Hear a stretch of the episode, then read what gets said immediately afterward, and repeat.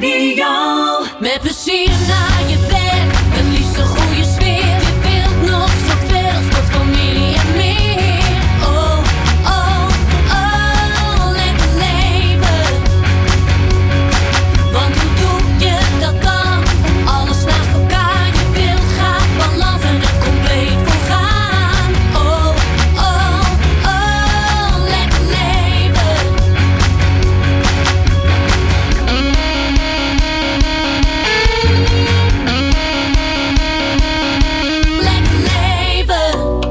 Ja, een nieuw jaar en een nieuw lekker leven. Zodat je met lekker veel inspiratie het nieuwe jaar in kunt gaan. Ik gun iedereen een lekker leven waarin je de beste versie van jezelf kunt zijn. Zowel fysiek als mentaal. En dus spreek ik veel BN'ers die van hun passie hun werk hebben gemaakt. En daarnaast hoor je hier ook veel experts. En krijg je veel tips en tricks op het gebied van lifestyle, gezondheid, relaties en mindset. Ik ben Martine Howard en vandaag hebben we weer twee te gekke gasten. Straks spreken we niemand minder dan Kevin Landman. Als NLP-coach helpt hij enorm veel verschillende mensen op het gebied van mindset en gedachtes. En daarnaast is hij ook quantum healing therapeut. Wat is dat precies en welk effect heeft het precies op mensen? Nou, dat gaan we straks allemaal bespreken. Maar we beginnen deze aflevering met een presentatrice die al meer dan 30 jaar in het vak zit en die we allemaal kennen. Lekker leven met Martine. Zet de radio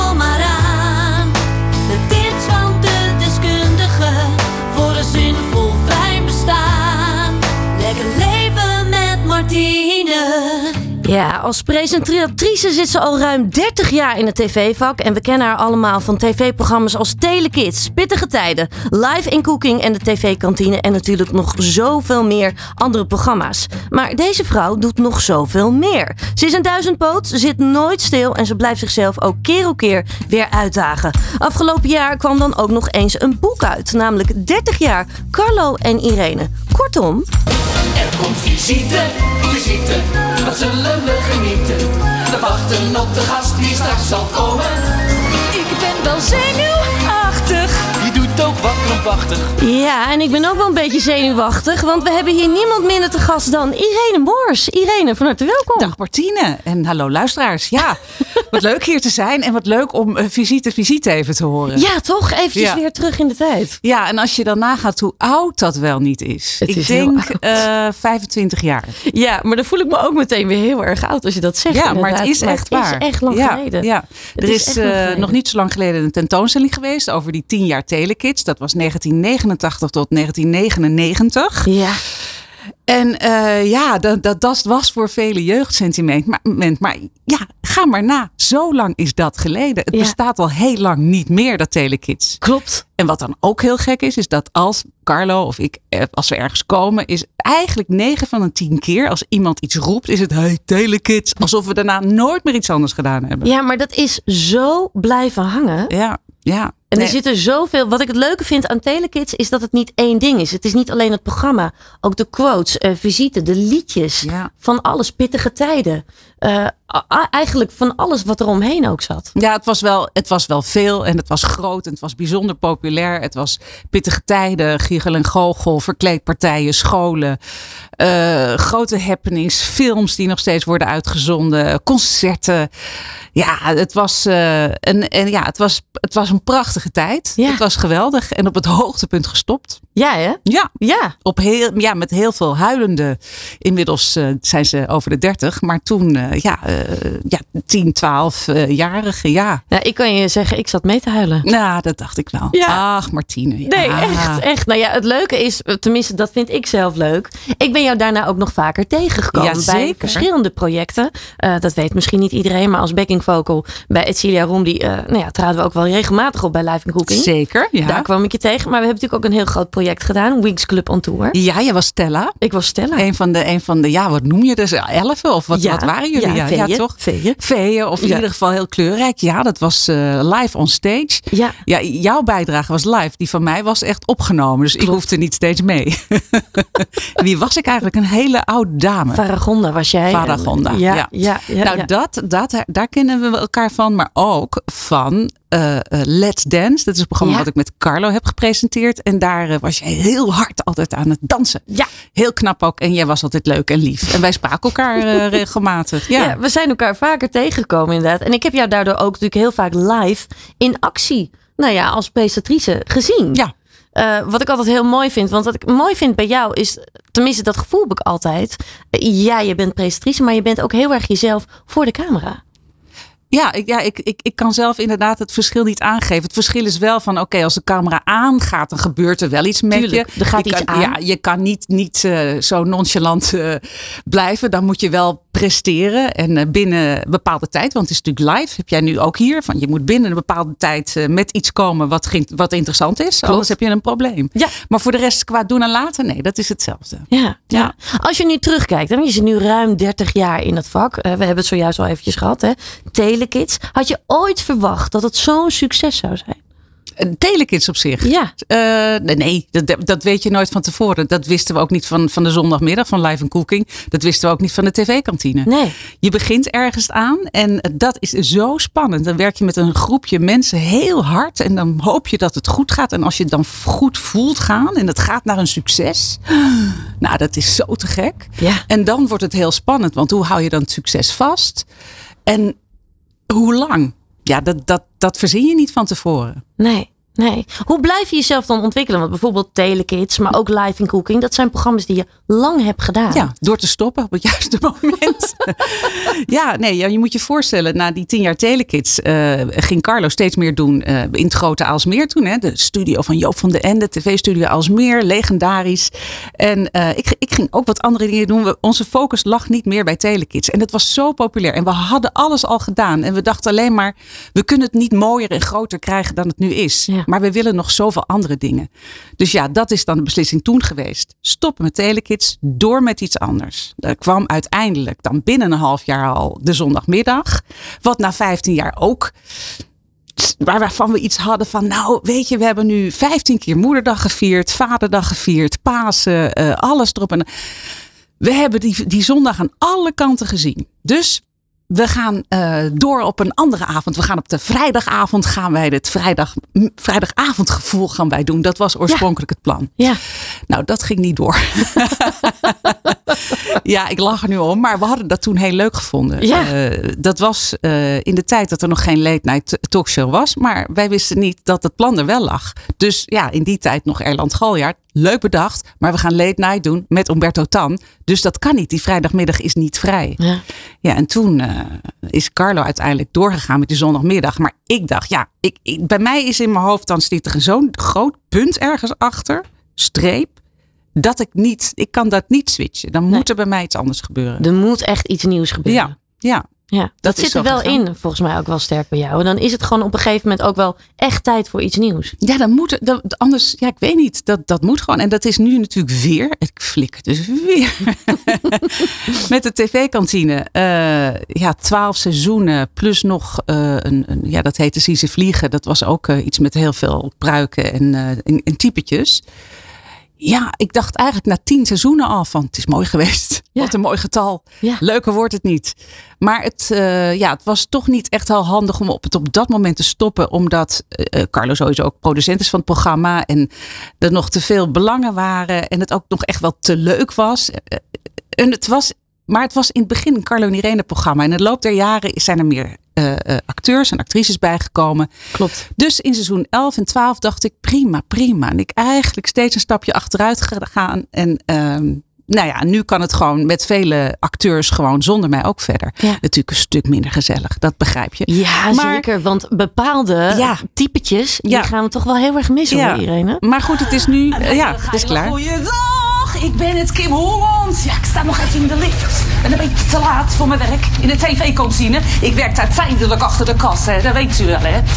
Maar mensen, ik wil u toch even bedanken voor alle... oh, sorry. Voor alle leuke erecties deze week. Het was werkelijk hartverwarmend, kan niet anders zeggen. Zo.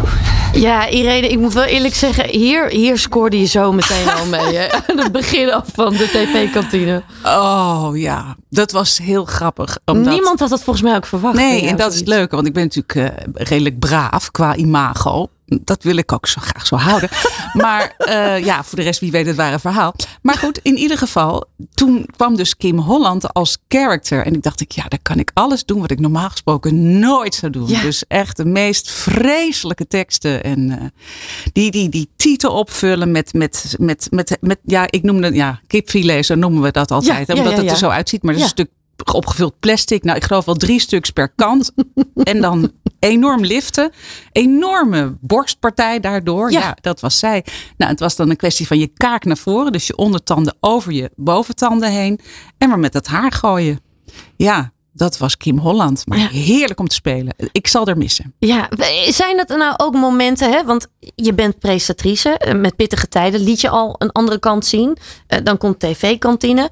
Ehm, Zijn dat dan ook momenten dat je dat spannend vindt, dat je iets anders van jezelf laat zien? Nou, het is een een aaneenschakeling van spannendheden. Ja, toch? Ja, want wat ik, wat ik eh, op zich niet zo heel spannend meer vind, tenzij het een nieuw project is, eh, is presenteren, daarvan, daar ga ik vanuit dat ik dat kan. Ja. Dat doe je dan een tijdje en dan, oké, dan moet je je goed voorbereiden, want presenteren is voornamelijk voorbereiden. Als je dat goed doet, dan kom je een heel eind. En dan moet je nog wel een beetje talent hebben, dat wel. Is wel vrij prettig. ja. Maar ik ben niet een opgeleid actrice, dus ik doe maar wat. En dat maakt het spannend, want dan vraag je je constant af: eh, is het wel goed genoeg? Wat zijn eigenlijk de acteerregels? En eh, is, is het wel. eh, ja, natuurlijk was het nooit, want het was altijd een soort overacting. Want het waren Ja. natuurlijk typetjes. Maar ik vond het altijd spannend. Ik, alle voorbereiding, ik, ik kon ook nooit stoppen met voorbereiden. Als we dan bezig waren met opnemen, dan moest Carlo het echt zeggen. Het is goed, staat erop. En dan geloofde ik het nog niet. Pas bij uitzending dacht ik, oh ja, het lijkt wel. Ja, nou, Oh ja. precies. Ja, nou ja, inderdaad. Ja. ik ben heel onzeker geweest bij het acteren, ja. Wa- Wat helpt jou dan als je onzeker of gespannen bent? Eh, vooral zien wat het eindresultaat doet. Dus eh, de populariteit helpt. Want de populariteit toen de tijd, bij pittige tijden, later bij eh, Maxima en Willem-Alexander voor Live in Cooking. Dat maakte het ook natuurlijk, eh zeker. dat lifte dat programma enorm. Ehm, alles wat er gebeurde in de wereld slaat door.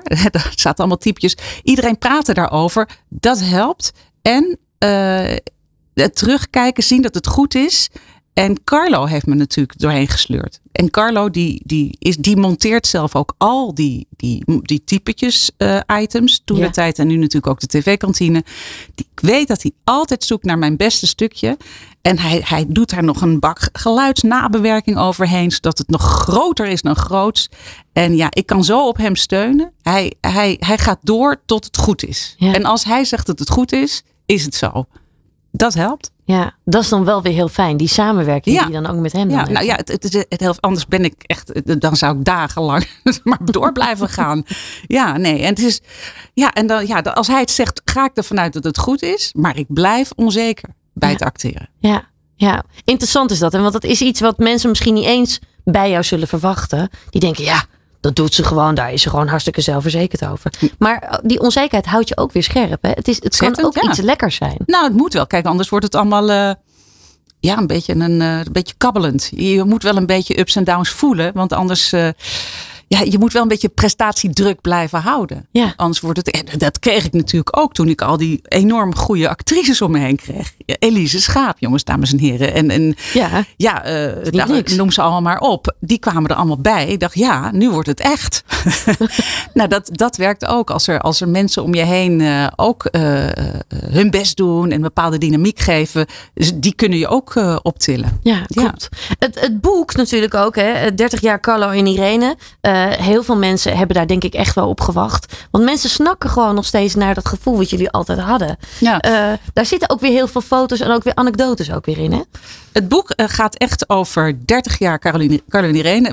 Het begint ook met een briefwisseling naar elkaar over wat er eigenlijk gebeurd is voordat we elkaar ontmoeten. Dus eigenlijk de weg naar tv. Maar Ja. dat was los van elkaar. Dat is wel heel, heel leuk geworden.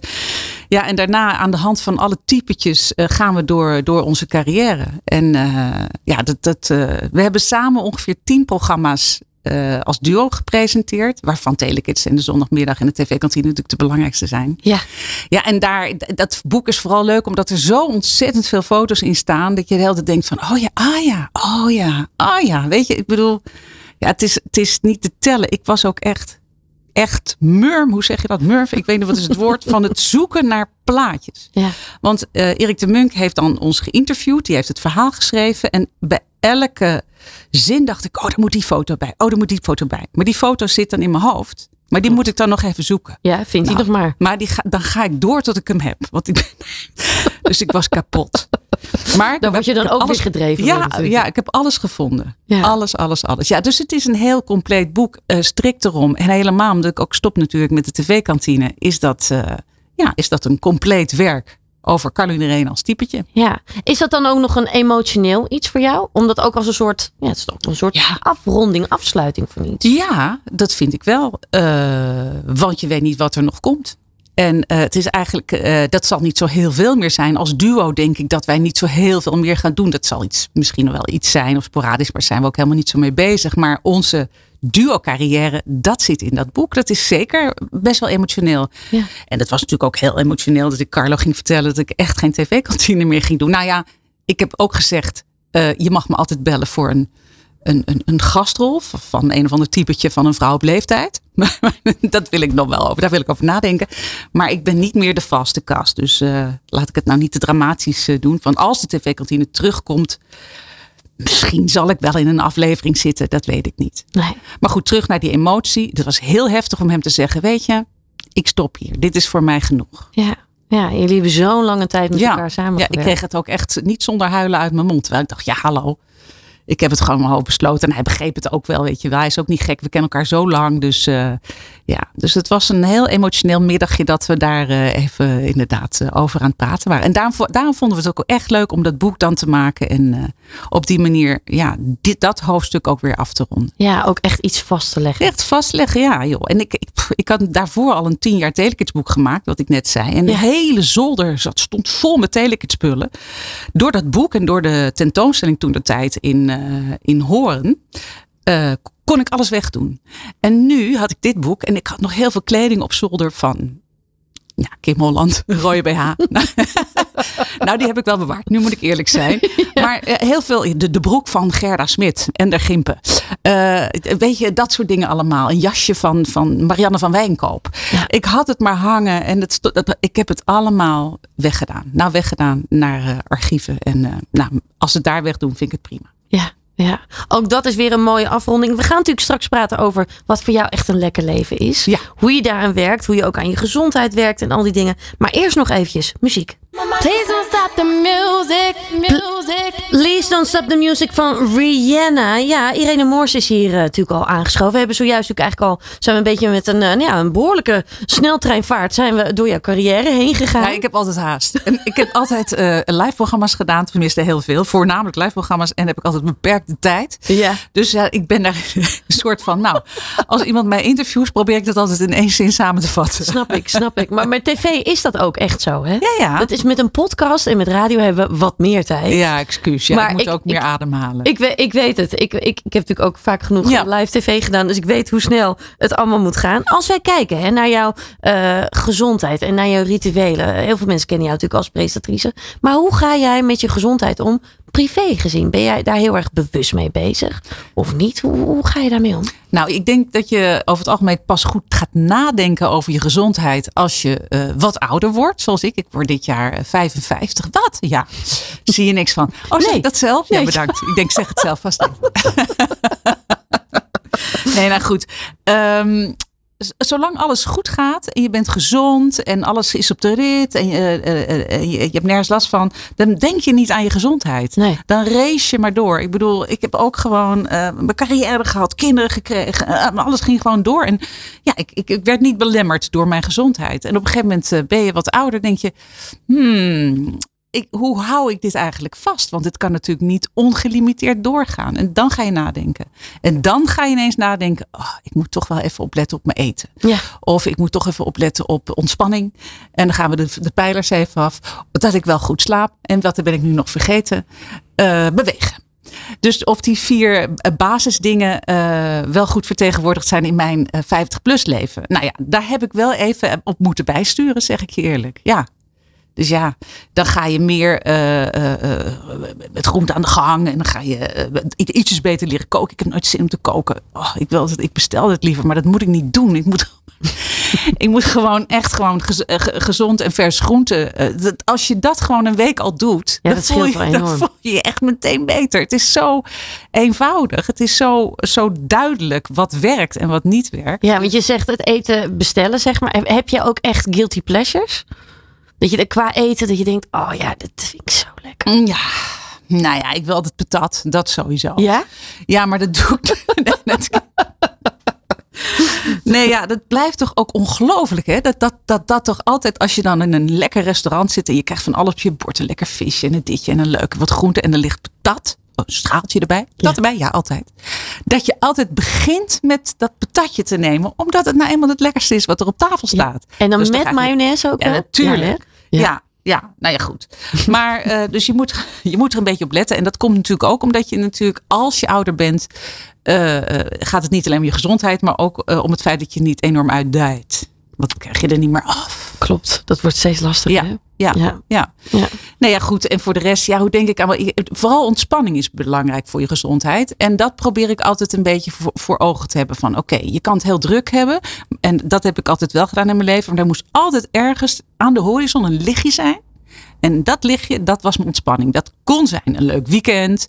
Of eh, weet ik veel wat, een vakantie. Of, of, of of een cursus wat je gaat doen wat, wat, wat leuk is, waar je dan zin in hebt. Er moest altijd iets zijn waar je naartoe werkte. Niet dat je het niet leuk had op je werk waar je mee bezig was. Maar gewoon, oké, ik hou dit vol omdat ik daarheen ga. Ja, ja. Ja, ja. Dat is ook wel, dus eigenlijk altijd iets waar je dan een beetje naartoe werkt. ja dat vind ik dan. Ja, je moet altijd even denken. Als ik nou aan jou vraag, oké, je bent nu weer terug en je bent even op een leuk eiland geweest en druk, druk, druk. Of mogen de mensen dat niet weten? Oh, dat Oh, de mensen maar- ja, weten. zeker. Ja, ja, ook ja. op een eiland. Maar goed, je bent nu weer aan de gang. Wat is jouw volgende punt waarvan je denkt, nou, het is hartstikke leuk het werk, maar ik kijk uit naar, Het weekend. nou, dat is iets Daar heb ik dan een, een leuk Ja. uitje heb ik Ja. dan staan. Ja, Ja. nou, dat is leuk. En zodra, zolang je dat hebt, dan hou je een hoop vol. Ja. Echt hoor. Ja. ja, daar ben ik wel met je eens. Wat dat betreft ook dus weer daar iets tegenover zetten. Naast het harde werken ook weer een leuk iets. ja, waar je en ook dat niet zomaar verschuiven. Als er op een gegeven moment iets komt van. eh, ja, maar je moet. Je dit, je, nee, dat heb je daar staan. Dat moet je vasthouden. Want anders is het eindzoek. Want, Ja. ja. ja.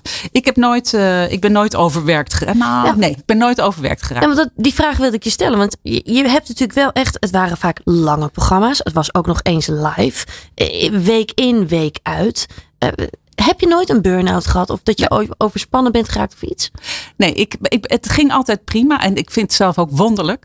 Dat je eh, op het hoogtepunt van je carrière ook nog eh, twee kinderen krijgt. En die tegelijkertijd opvoedt. eh, je ouders ondertussen ook nog ergens verliest. ergens nog trouwt. En een huishouden runt. Op het hoogtepunt van je carrière. Ja.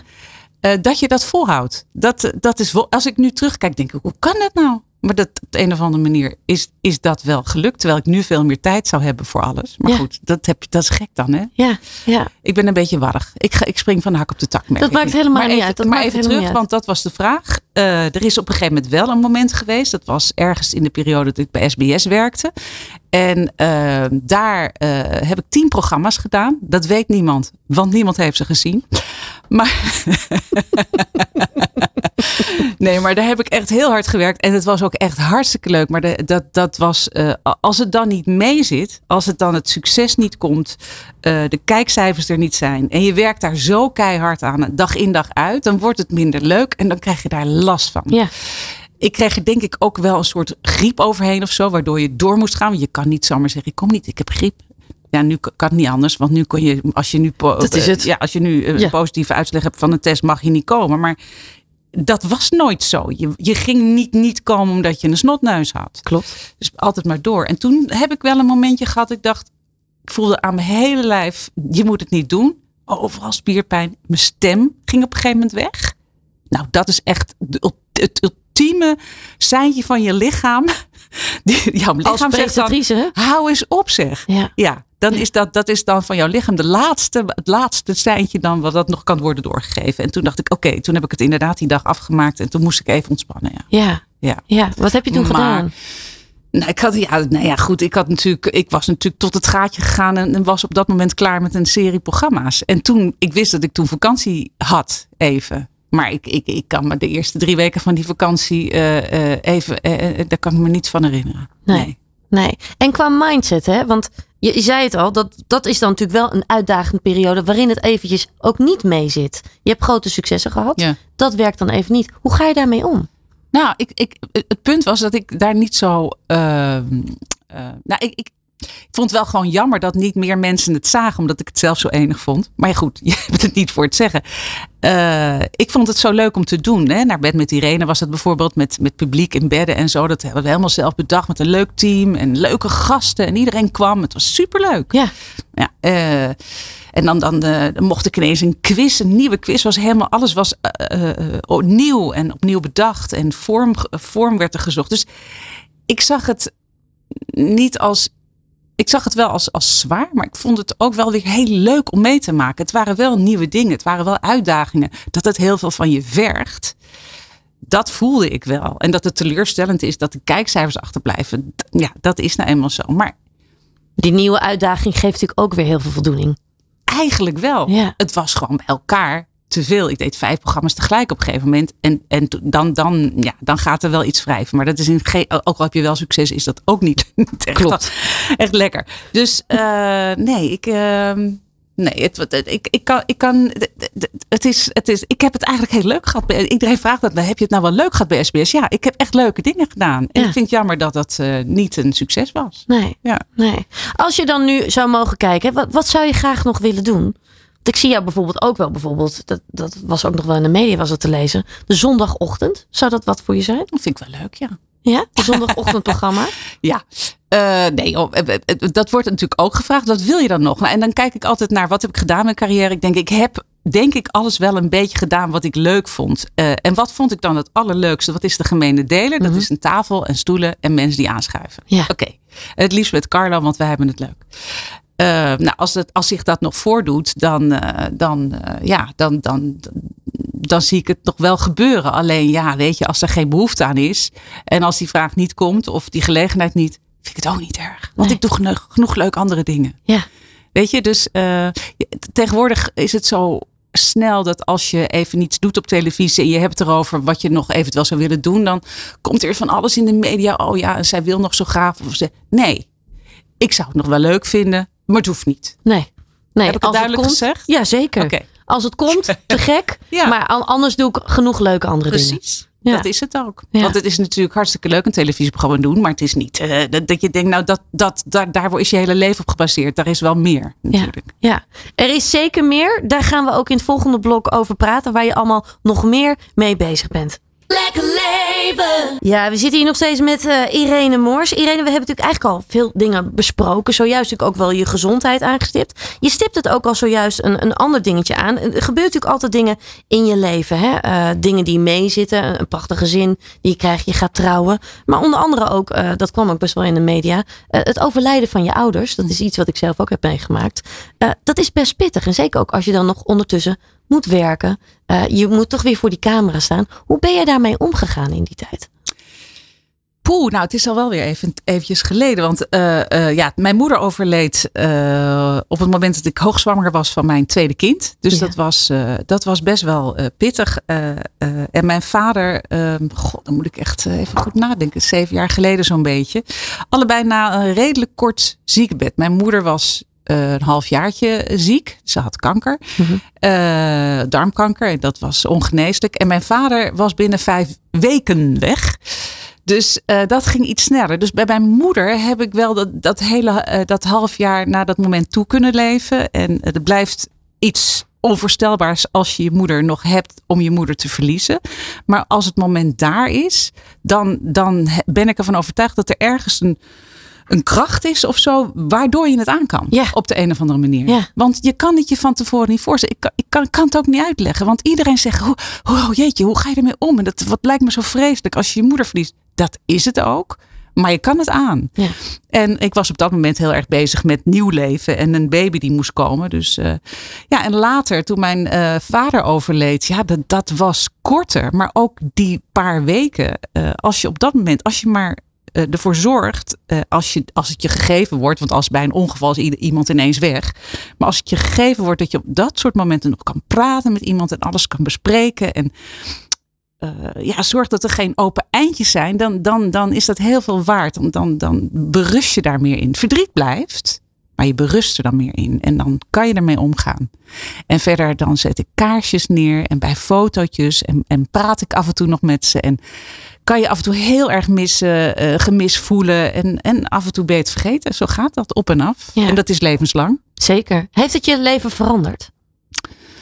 het verlies van mijn ouders. Ja. Ja. natuurlijk, je bent op dat moment ineens, eh, eh, toen, zeker toen mijn vader overleed, dacht ik, oh, nu ben ik wees. Ja, eigenlijk wel. Buitenste schil. De volgende die gaat. Nou, Ja. dat vind ik een beetje raar. Voorlopig ben ik dat niet van plan. Maar dat is dus wel eh, een moment dat je denkt: oké, dit is. Je, je, ja, iedereen. Het is vergankelijk. Je, le- je, je, je gaat dood. Ja. En eh, zorg nou in hemelsnaam dat het hartstikke leuk wordt. Dat hè? Want eh, ja, je weet het niet. Je weet ook niet wanneer. Ik vind sowieso, eh, qua met ziektes ook, eh, vind ik een soort, soort, soort rare, rauwe loterij. Je, je krijgt iets of je krijgt het niet. En, en soms is dat om, om een hele onduidelijk. Nee, soms is er geen reden. Het gebeurt je. Die Klopt. pech kan je hebben of niet. Dat bedoel ik met een loterij.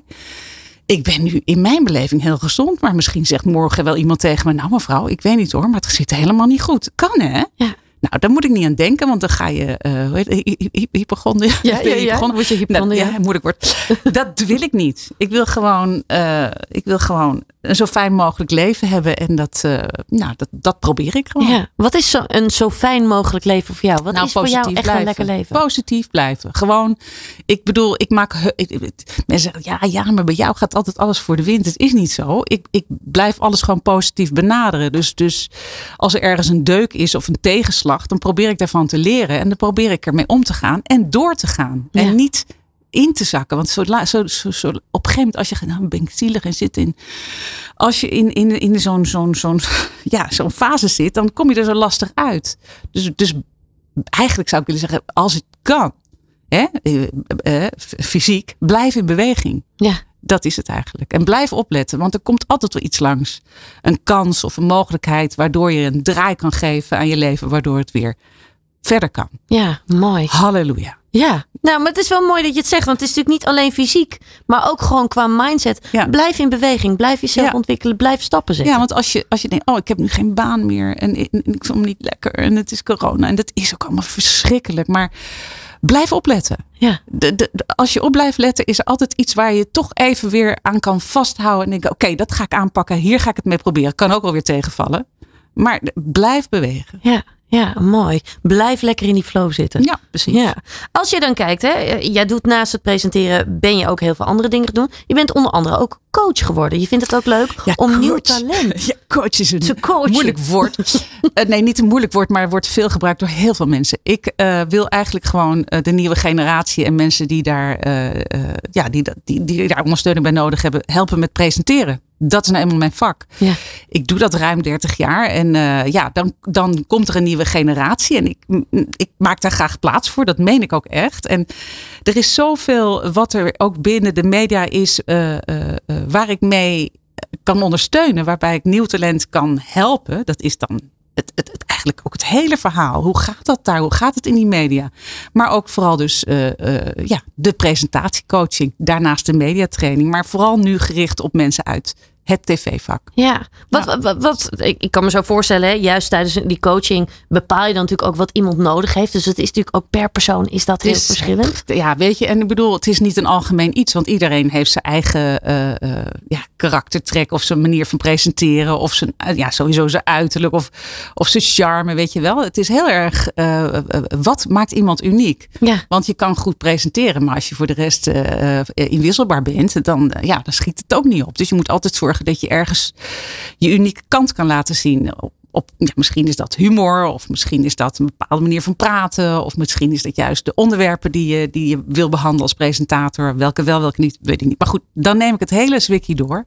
Maar ja, eh, het is voor mij dan ook heel vaak eh, heel veel materiaal kijken wat, wat mensen dan al hebben gemaakt. En dan moet ik toch vertellen wat daar niet aan klopt. En ik blijf er toch altijd. Ik doe het wel, want anders leer je niet. Maar dan, oh, het eerste uur met mij is altijd, eh, altijd een beetje ja, frustrerend voor de leerlingen.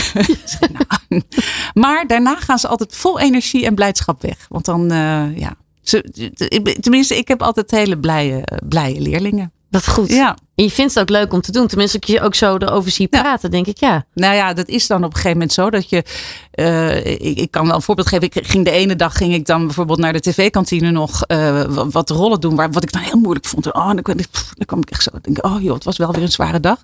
En de andere dag deed ik eh, een, een, een presentatiecoaching. En dan kwam ik helemaal vol energie van thuis. En toen dacht ik, oké, oké, wat voel ik nu? Ik moet een andere kant op. Dus dat, dat, dat, dat werkte eigenlijk ook even op dat moment mee met het besluit van, oké, hier ga ik mee stoppen. Daar wil ik mee door. Ja, mooi. Volg jij je energie en je hart met, met beslissingen nemen op dat gebied? Doe je dat erg op intuïtie en gevoel? Hmm.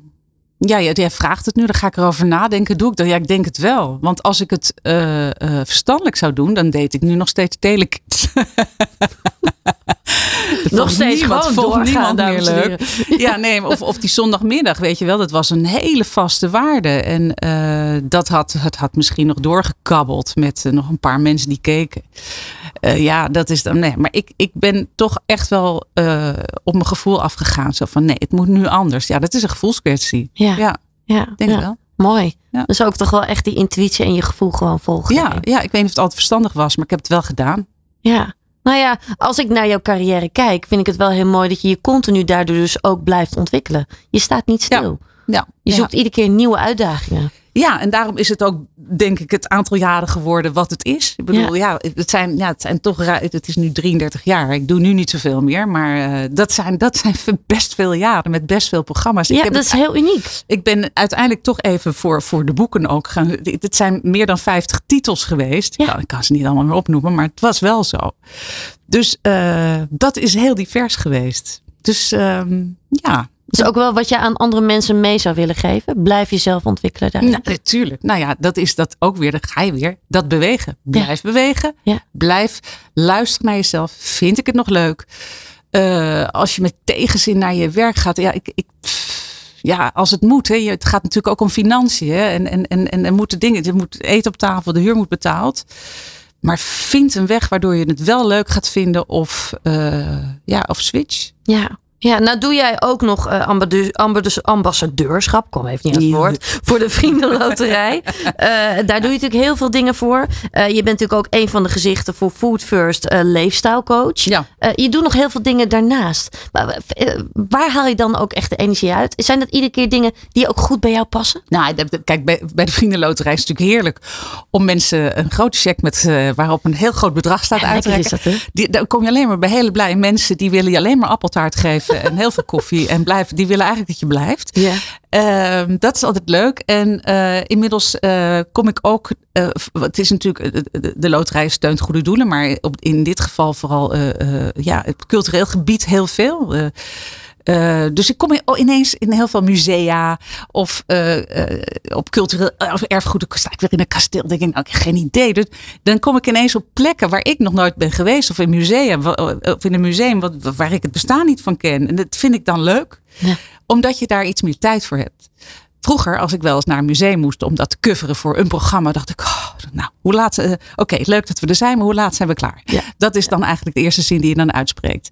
En nu denk ik alleen maar, oh, wat leuk. En als we dan klaar zijn, denk ik, vraag ik nog, kan ik nog heel even rondkijken? Dus daar neem ik nu veel meer de tijd voor. Dat is, echt, dat is echt heel leuk. Ja. Maar ja, dan moet je weer, ja, daar moet je gewoon wat ouder voor zijn, denk ik. Ja. Eh, Als, eh, weet je, het, jaren geleden had ik echt dit nooit gezegd. Nee, nee, nee, Nee. Dat is dan ook wel weer het mooie van ouder worden, toch? Ja, dat is ook zo. Ja, meer oog voor de rest eh, eh, wat, wat er is. Hè. De omdat je natuurlijk eh, de rest van je leven ook meer tijd hebt om daarvoor open te staan. Ja.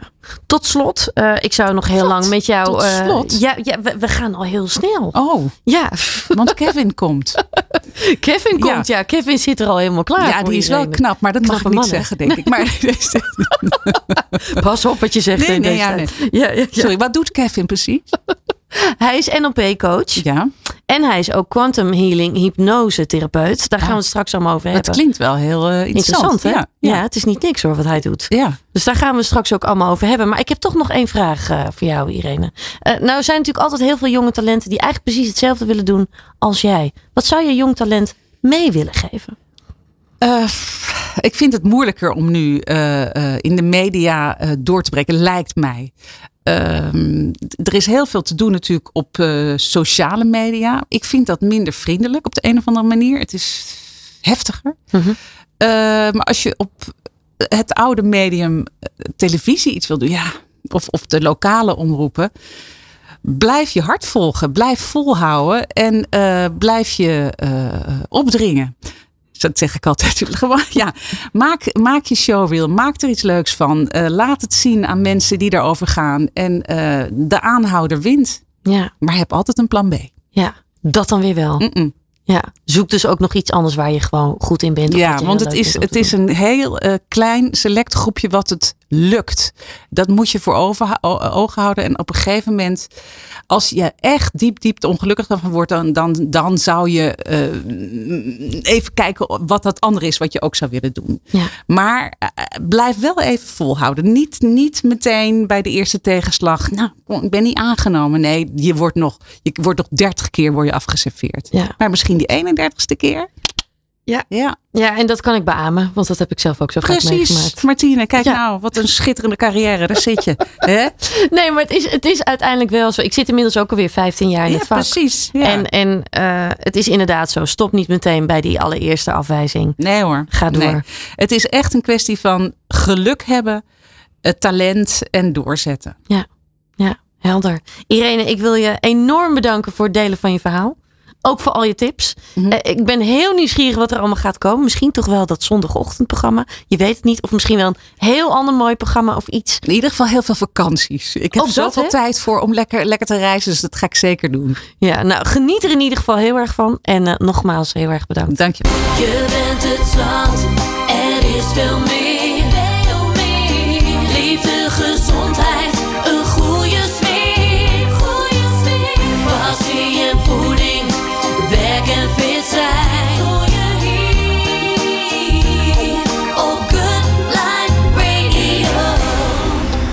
Ja, straks hebben we niemand minder dan Kevin Landman, eh, Landman te gast. Daar hadden we het zojuist ook over. Maar zoals je ook van mij gewend bent, geef ik hier bij Lekker Leven ook graag nog even wat tips mee. Zeg, hou het.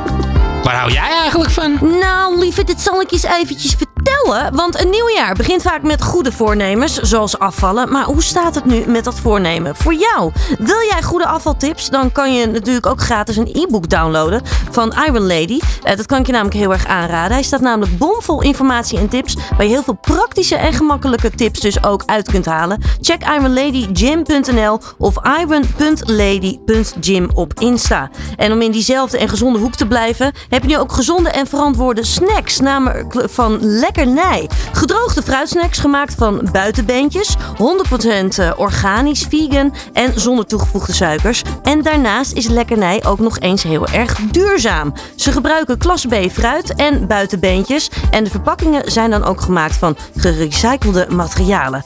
En dan heb ik misschien ook nog wel een heel leuk uitje, juist ook in deze tijd waarin nog niet alles mogelijk is. Ben je echt op zoek naar een leuk origineel uitje, dan kan ik je Roller Dreams bij Wonder Experience echt aanraden. Rolschaatsen in rollerdisco, geheel in de jaren 60 stijl, met lekker muziek erbij, eventueel ook nog een drankje erbij. Nou, ik kan je zeggen, het is echt super leuk om te doen. Ik ben inmiddels eh, afgelopen zaterdag langs geweest en ik kan je dit echt heel erg aanraden. Straks praten we over de kracht van gedachtes en mindset met eh, Kevin Landman en ook hoor je wat quantum healing hypnose precies is. Maar eerst nog eventjes muziek. Je werk,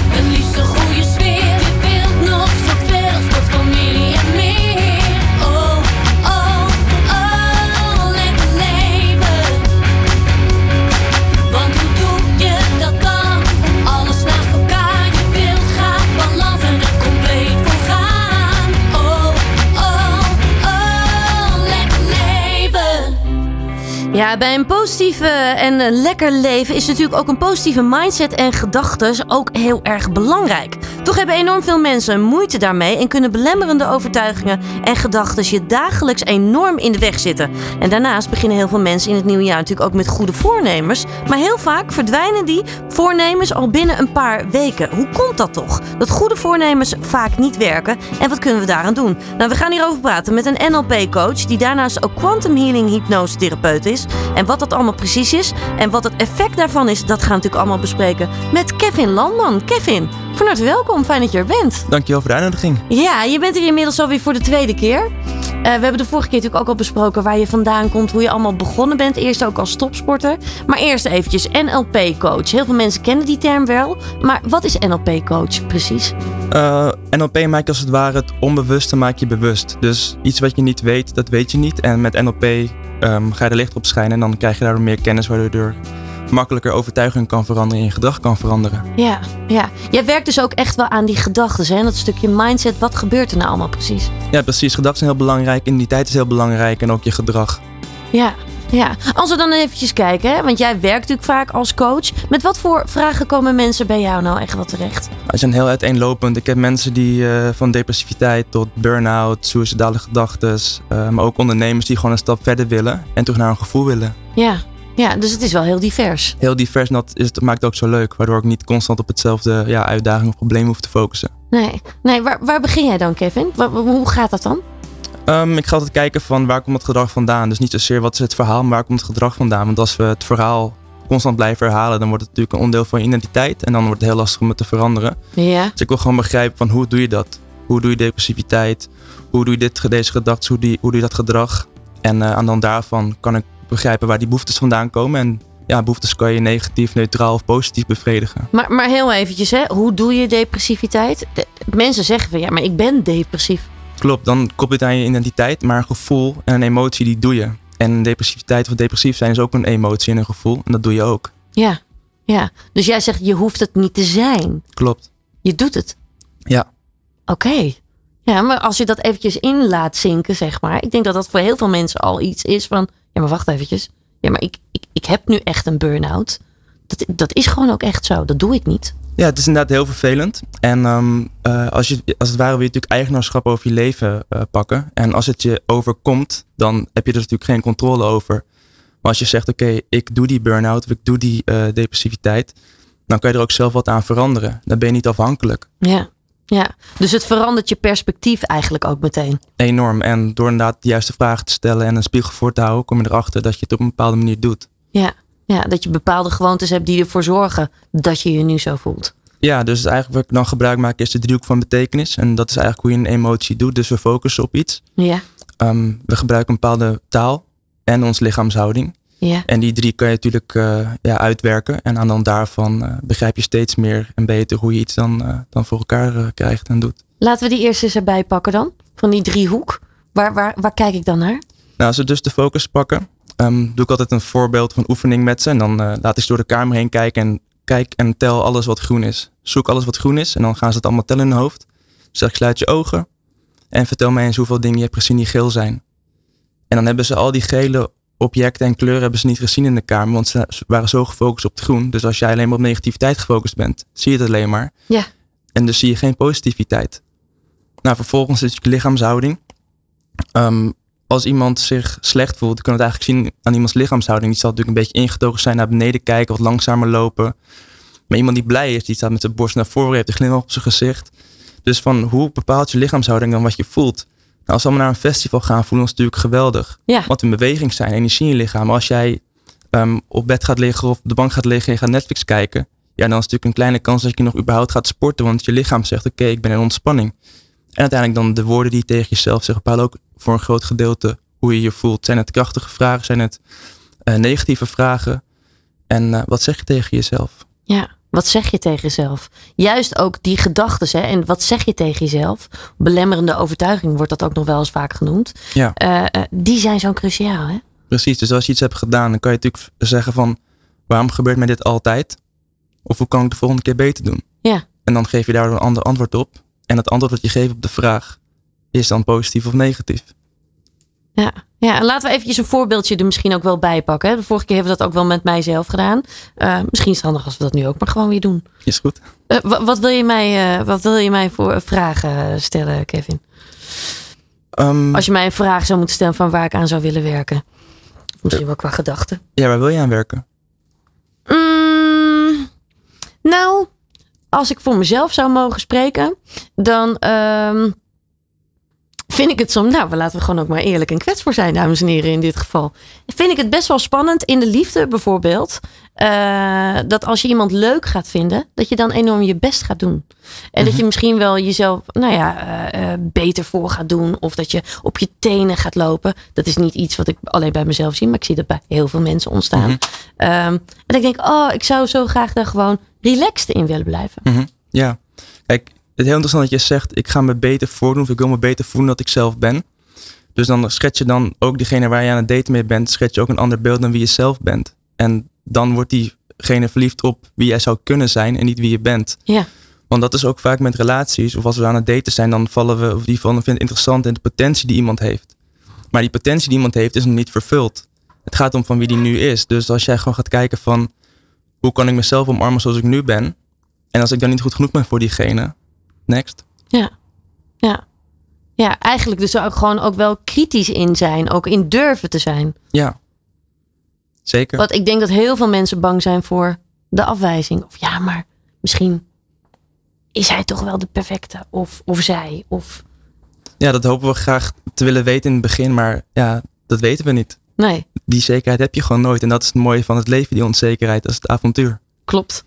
Klopt. Maar jij zegt ook daarin, dus durf wel meteen gewoon jezelf te zijn. Doe jezelf niet beter voor dan dat je bent. Klopt, ja. Ja, ja. Als we dan kijken hè, naar dat stukje eh, mindset, hè, positieve mindset en gedachten, is natuurlijk ook heel erg belangrijk voor een lekker leven. Nou zijn er heel veel mensen die het jaar altijd beginnen met eh, nou ja, goede voornemens. Ja, dat is heel interessant. Ik wil afvallen. Ik wil meer gaan bewegen. Eh, ik wil alleen maar eh, leuke dingen gaan doen. Of ik wil die en die vakanties hebben gedaan. Allemaal, allemaal goede voornemens. Waarom lukt het zo weinig mensen? Omdat het vaak worden die voornemens eh, zijn niet eens voor hunzelf. Dat willen ze bij iemand horen of dat horen ze van iemand anders, dan wil ik ook. Of ze zijn in een bepaalde staat van zijn, waardoor ze zich dan denken van, oh, dat zou wel fijn zijn om dat te hebben. Maar hoe graag wil je dat? Want inderdaad, wat je zegt, na 12 dagen, eigenlijk 12 januari is al 80% al gestopt met hun, eh, hun goede voornemens. Ja, En ehm, ja, dus eigenlijk voornemens werken ook helemaal niet. Want elk jaar kan je weer nieuwe voornemens doen. Dus volgend jaar is weer een nieuwe kans om om weer nieuwe voornemen voor jezelf te nemen. Maar hoe zorg je er dan wel voor dat het wel werkt? Zeg maar? Want je kan natuurlijk best een goed voornemen hebben, wat je wel laat werken. Klopt. En vaak als we iets willen, dan zien we onszelf al een paar stappen verder dan we zeg maar nu staan. Dus ehm, als we gaan kijken van oké, we willen afvallen. Ah, het gaat nu eigenlijk best wel oké. en dan moeten we nog maar een paar dingetjes veranderen, dan zijn we er al. Maar nee, ga eens echt eerlijk naar jezelf kijken. Waar sta je nu? Hm. Hoe sta je nu in het leven? Wat vind je over jezelf? Hoe het echt gaat? En wees echt kritisch en wees eerlijk naar jezelf. Want als je niet eerlijk naar jezelf bent, dan kun je ook geen volgende stap zetten. Want dan ben je constant met je toekomstige ik aan het vechten. En die ben je nog niet. Ja, ja. Dus begin ook wel daarmee eigenlijk, zeg maar. Begin in het nu. En eh, daar kan je inderdaad het levenswiel voor gebruiken. Dus een, eh, een cirkel met, eh, met taartpunten van emoties, gevoel, eh, financiën, ehm, fysieke omgeving, noem maar op. En vul dat eerlijk in. En dan ga je kijken van wat wil je dan echt bereiken? Welk moet, waar moet ik aandacht aan besteden dit jaar? En kies er één of twee. Ga niet alles tegelijkertijd doen. Focus op een paar punten. En ga vervolgens kijken welke onderliggende overtuigingen zitten daaraan vast. Want uiteindelijk, overtuigingen die zijn leidend. Dus ook hoe graag je wil afvallen. Als jij nog steeds zegt van ik kan niet gezond eten of ik ben geen sporter. Ja. Ja, succes.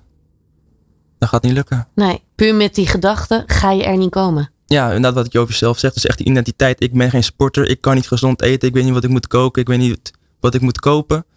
Ja, dan kan je inderdaad op je gedrag gaan focussen. Maar ja, je, je onbewuste brein is veel sterker dan je bewuste brein. Ja. En dan val je gewoon weer terug in je oude patronen. Maar hoe zet je dat dan om? Want ik bedoel, die gedachten, of in ieder geval eh, die, die, die identiteit die je Mhm. eraan hebt gekoppeld, dat zit vaak best wel, nou ja, goed vastgeroest in iemand. Zeg maar. Dat is al zo gewoon. Dat zeg je misschien wel dagelijks, of dat zeg je misschien wel honderd keer op een dag tegen jezelf. Hoe, hoe zet je dat om? Ja, dus eh, dan op zoek gaan naar van welke behoeften zitten achter. Dus waarom eet je dan ongezond? Of waarom ben je eh, overweight? Welke behoeften zitten erachter? En dan kan je die behoefte op een andere manier vervullen, waardoor je het niet meer hoeft te doen op de verkeerde manier. Hm.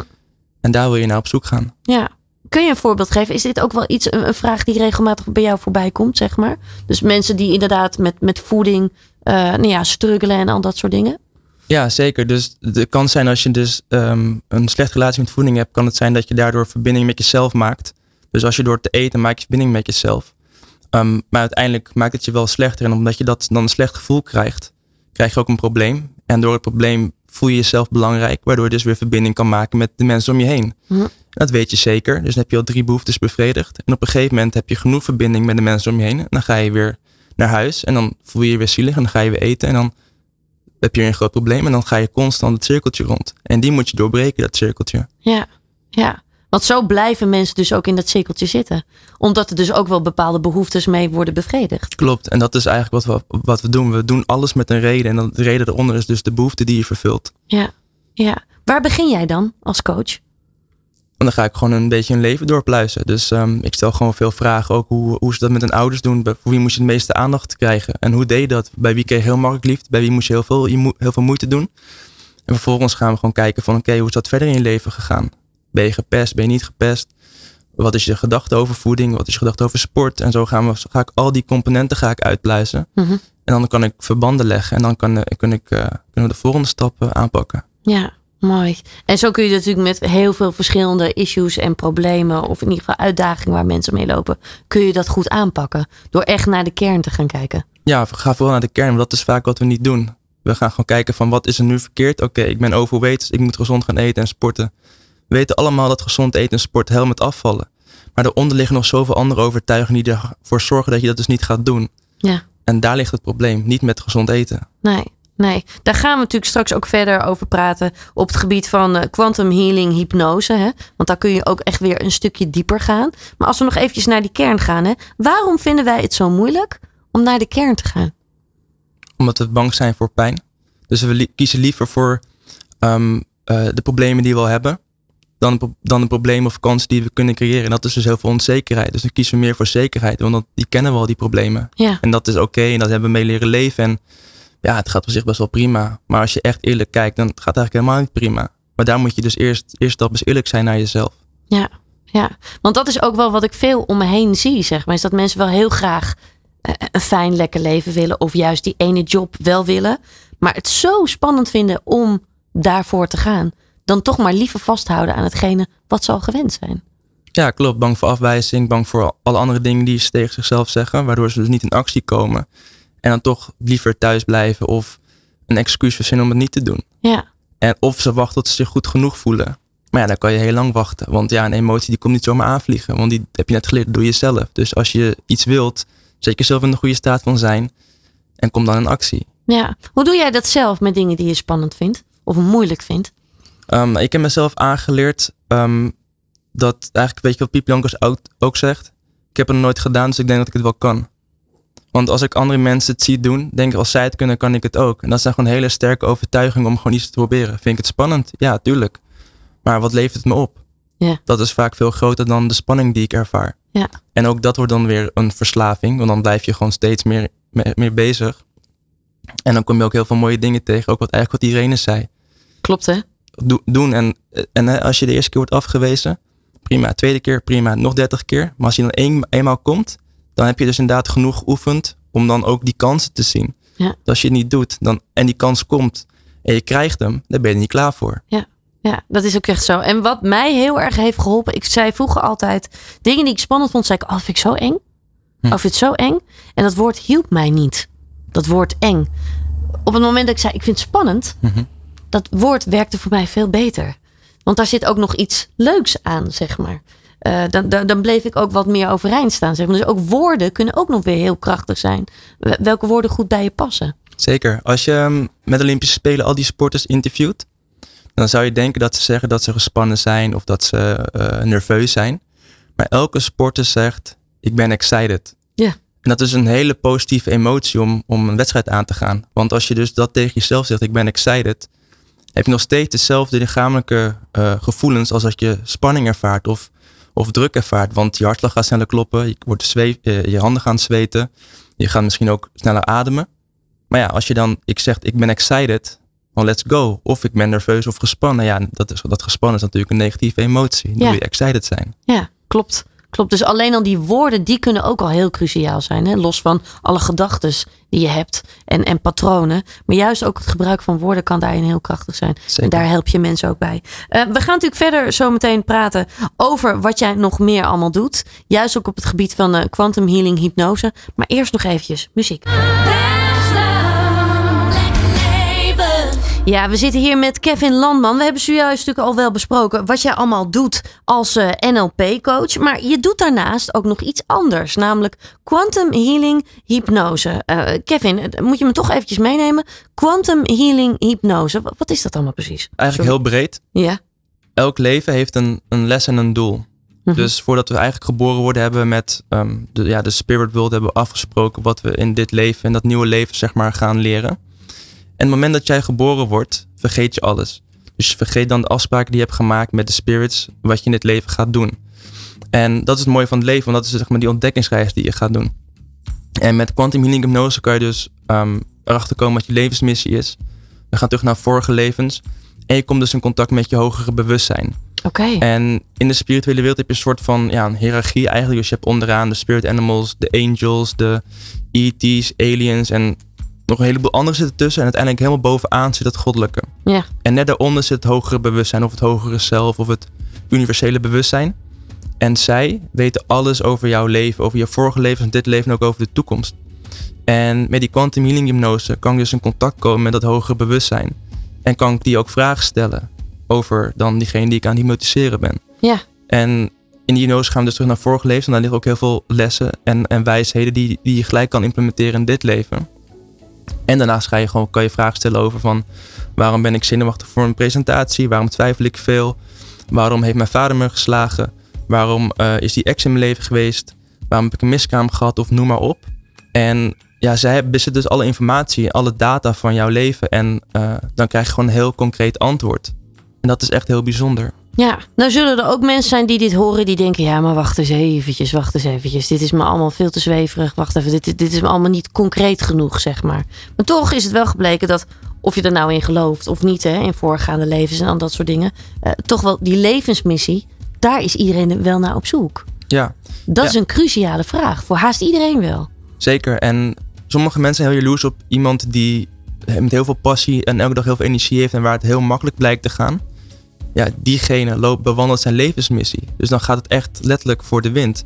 En iemand die constant aan het vechten is tegen het leven, die wil eigenlijk niet luisteren. Dus die krijgt dan altijd die ingeving van het hogere zelf. En eerst zullen ze gewoon wat zeggen of laten voelen.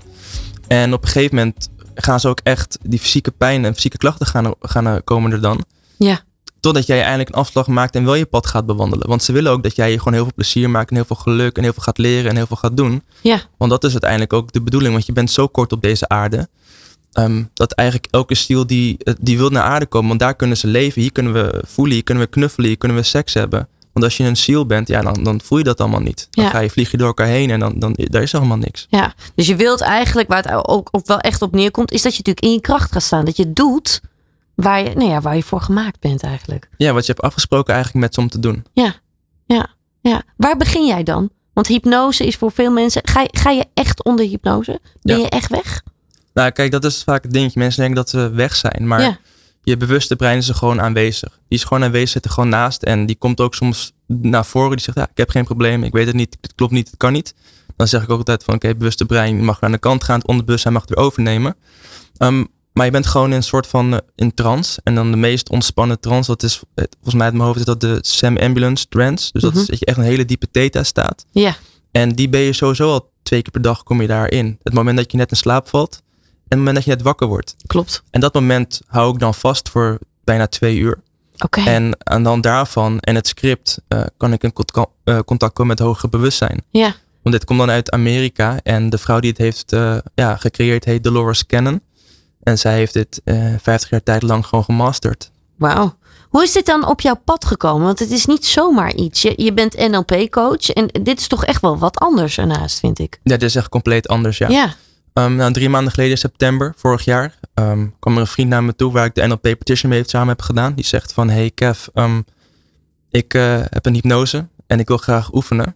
Sta je ervoor open? Ik zeg, ja, is goed. Nou, een dag voordat we eigenlijk die hypnose starten, zegt hij van, eh, heb je al 10 of 15 vragen eh, verzonnen of eh, bedacht? Ik zeg zo, nee, wat moet dat dan? Ja, dat moet. Dus ik google inderdaad en toen stond er inderdaad bij van, eh, wat is je levensmissie? Kom je van deze aarde? Wie is je spirit animal? Ehm, waarom zijn bepaalde acties in je leven geweest? Ik zei, oké, dit wordt een interessante reis. Ik heb geen idee wat ik kan verwachten. Ja. Nou, toen was hij daar en toen hebben we echt eerst nog drie uur lang gepraat. Zijn we helemaal mijn leven doorgegaan. Dus elke categorie van vijf jaar gewoon gekeken wat zijn de positieve dingen, wat zijn de negatieve dingen. En aan de hand daarvan zag hij wel wat lijnen terugkomen. En kon hij ook weer nieuwe vragen voor mij eh, creëren die ik dan aan mezelf kon stellen. Nou, vervolgens eh, ben ik gewoon lekker gaan liggen. En toen heeft hij mij eigenlijk eh, onder hypnose gebracht. En daarna kom ik twee uur later kom ik weer terug. Hoe, hoe word je dan onder hypnose gebracht? Hoe moet ik dat voor me zien? Ja, je gaat, zitten, je gaat liggen. En ehm, vervolgens haal je een paar keer diep in uit adem. En dan luister je gewoon naar de stem. Dus er wordt gewoon een verhaaltje opgelezen of verteld. En dan, dan daarvan kom je in die hele rustige staat van zijn. Ja, ja, dus het is niet dat je helemaal weg bent, zeg maar. Zoals een bij een, ja, ik denk dan meteen aan Rasta, Rostelli of al dat soort dingen. Zeg maar, dat je echt helemaal weg bent. Dat je niet meer kan zitten of kan staan of al dat soort dingen. Je, je, je ligt gewoon rustig. En je komt dan echt in die rustige fase eigenlijk terecht. Nou, om, met Rasta Rostelli ben je eigenlijk ben je ook niet weg. Je geeft zeg maar ehm, je over aan hem en je luistert gewoon naar hem. Ja, Dus als hij tegen jou zegt, ehm, je kan niet meer opstaan, dan heb je die suggestie aangenomen als waarheid en dan kun je daar niet opstaan. Maar ook dan ben je vrij ontspannen, want dan zit je ook in een bepaalde trance, maar niet zo diep als in de trance waar ik je in ga brengen. oké. Oké. Oké, want dat is natuurlijk altijd wel goed voor mensen om te weten. Hè, van waar kom ik dan in terecht? Hoe gaat het dan? Want het is natuurlijk altijd vaak wel, als we het hebben over nou ja, iets spannends. Dit is vaak voor veel mensen best wel spannend. Ja, ja, is ook zo. Iedereen die ik nu heb gedaan, vindt het enorm spannend. Maar uiteindelijk als ze dan eruit zijn gekomen, dan vinden ze het echt een hele prachtige en mooie reis. Ja, ja, wat goed. Dus dan breng je mensen eigenlijk in die staat. Hè? Je brengt ze onder, op, onder hypnose. En dan, wat gebeurt er dan? Nou, dan zie je eigenlijk heel snel inderdaad aan het lichaam dat ze inderdaad heel erg eh, ontspannen zijn. Dat kan je zien als iemand zeg maar een bepaalde manier slikt of ademhaalt. Of wat hun ogen zeg maar op en neer gaan, heel snel. En dan, ehm, ja, eh, even voor de beeldvorm, heb je je ogen dicht? ogen dicht. Ja. ja. ogen dicht. En die zie ik dan echt op en neer gaan onder je oogleden. En ehm, nou, dan op een gegeven moment eh, begin ik dat ze op een wolk mogen liggen. En die wolk gaat dan terug naar een plek en tijd waar de informatie ligt die we vandaag aan jou willen laten zien. En dan kan het best zijn dat je in, de, in, in 1500 terechtkomt. Of dat je in een een of andere Amazonegebied terechtkomt. En dan embody dat leven ook echt. Mhm. Dus als je daar doodgaat, dat kun je ook echt voelen. Heb je honger, voel je ook echt dat je honger hebt. Want je bent in dat leven. Want dat ben je ooit geweest. Dat zit gewoon in, jou, in, jou, ja, in jouw geschiedenis, in jouw DNA. En in elk leven zit dus een les en een doel. Dus ook als we dan gaan we naar drie highlights gaan we dan. Dus dan zie je drie belangrijke momenten van het leven die dat soort van samenvatten. En uiteindelijk vraag ik ook aan het hoger bewustzijn van wat is dan eh, het, de les of het doel van dit leven. Nou, ik ben teruggegaan naar een, eh, een indianenstam waar ik de stam over was. En er was toen een vuur, een bosbrand. En ik wilde iedereen dus controleren van blijf rustig. Er komt een storm aan of er komt regen en dat, komt allemaal goed. Maar iedereen moet dus echt blijf stilzitten. Het komt goed. Maar iedereen was door elkaar heen aan het rennen. En mijn les voor het leven was, je kan andere mensen niet controleren. Je kan alleen jezelf controleren. En dat was dus zo'n ja, wake-up call van, oh ja, wacht, zo werkt het dus. Want ik wil vaak ook andere mensen helpen en eh, verder brengen in het leven. Maar ja, dat is niet aan mij, dat is aan hun. Dus dan dacht ik, oh ja, makes, makes sense. Ehm, dus ja, en dat soort voorbeelden ga je dan eh, ga je krijgen. wat eigenlijk dus wel belangrijke boodschappen zijn, zeg maar. Wat jij daar he- hebt mogen leren. Zeker, want we hebben het al een keer geleerd. Dus je hoeft niet opnieuw te leren. Ja. Dus dat scheelt weer tijd en Ja. energie. Ja. Hoe kom je dan op het punt dat je erachter komt wat je levensmissie nu is? Nou, dan als je dan die ehm, vorige levens afsluit en alle energie weer terugbrengt, dan vraag je of je contact mag maken met, met het hogere bewustzijn. Mhm. En dan kan je inderdaad die vraag stellen van wat is dan de levensmissie eh, van hem of haar. En dan wordt er als het ware voor je geantwoord. Dus wat ik voelde was dat van achteruit mijn gedachten kwam een soort van stem of een woord naar voren. En dat hoef ik alleen maar op te noemen. Dus ik praat wel zelf, maar ik hoef niet meer na te denken. Al mijn gedachten zijn weg. Ja. Dus er komt, er komt gewoon constant een stem of een woord komt naar voren. En daardoor dat is het antwoord. En dat is echt heel bijzonder om te ervaren. Ja. Heb jij daar ook meteen nou ja, hele concrete antwoorden gekregen? Ja, ik mocht dus echt eh, nog meer mensen gaan helpen op een veel grotere schaal. Dus ik moet nog veel meer mijn eh, potentie naleven. Nog veel meer eruit gaan halen om mensen naar een volgend level te brengen of te helpen of te, of te guiden, zeg maar. Ja. Ja, dat, is, dat was wel heel duidelijk in die, in die sessie, ja. Mooi. Mooi.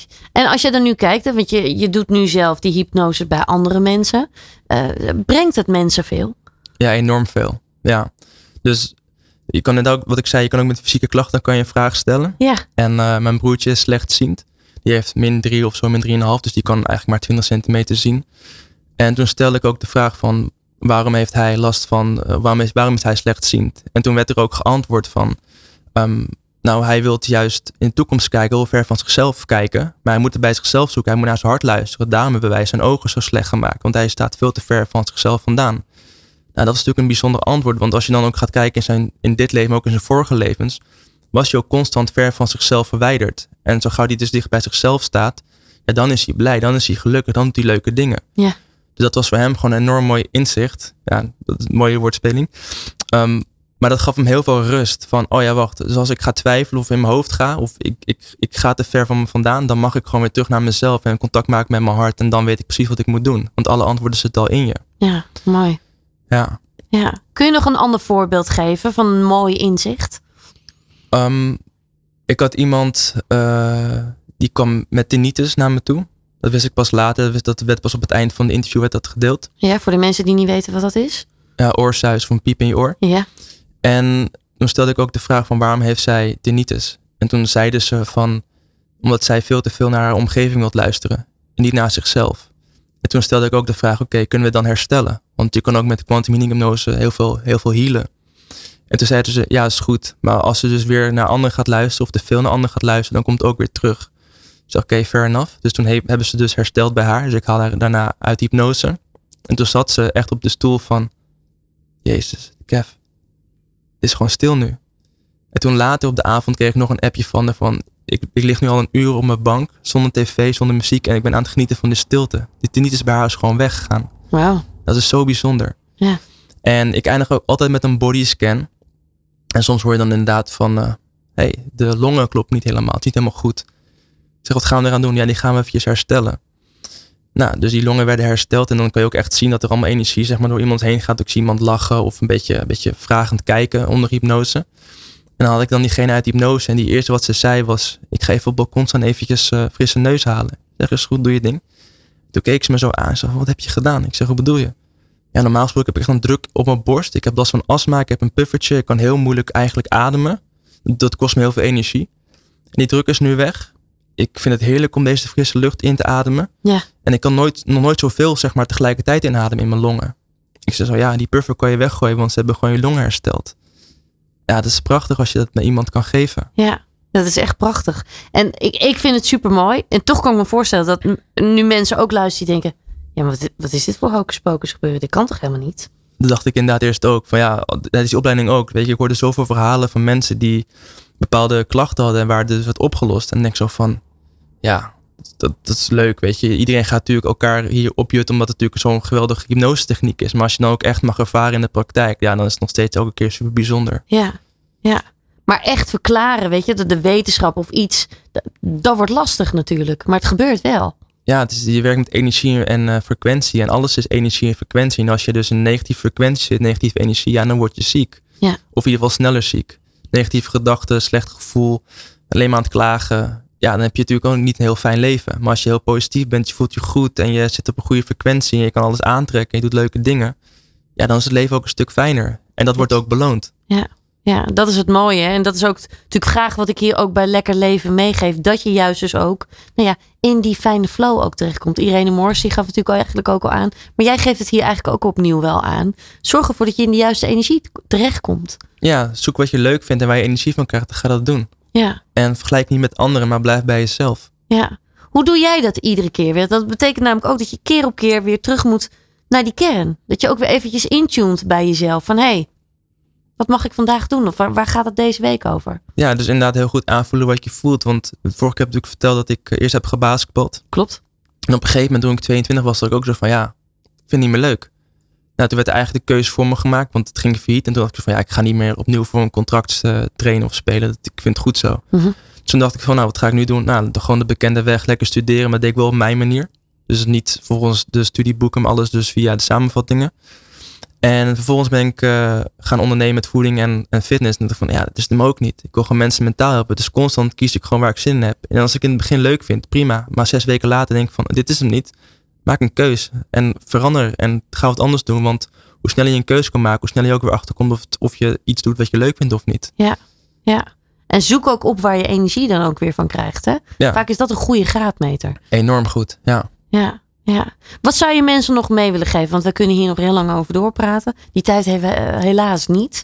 Eh, wat zou je mensen graag nog mee willen geven? Ja, ga echt genieten. Want je bent heel kort op deze aarde. En voordat je het weet is het voorbij. Dus geniet elke dag. Doe leuke dingen. Doe vooral waar je zelf zin in hebt. Deel dat met anderen. En geniet. Mooi, mooi. Lekker blijven genieten. Eh, volgens mij doe je dat ook al wel heel erg goed, Kevin. Als ik zo zie wat jij allemaal zelf ook allemaal doet. En ja, de fijne dingen die je ook allemaal doet, zeg maar. Om je leven alleen maar nog fijner te maken. Regelmatig nog eventjes op vakantie gaan. Het leven vieren. Dat doe je volgens mij allemaal heel goed. Zeker. En gisteren heb ik het ook gedaan met mijn verjaardag. Ja, heerlijk, heerlijk. Gewoon een lekker leven. Ik, ik wens jou enorm veel succes met alles. En danken voor het delen van je verhaal. Dankjewel. En hiermee zijn we alweer aan het eind gekomen van eh, Lekker Leven. Heb je vragen of opmerkingen? Laat het mij dan graag weten via mijn Facebook of eh, Instagram kanaal Martine Howard. Ik wil je heel erg bedanken voor het luisteren. Maak er wat moois van en heb een heel fijn en lekker leven. Lekker leven met Martine. Zit de radio maar.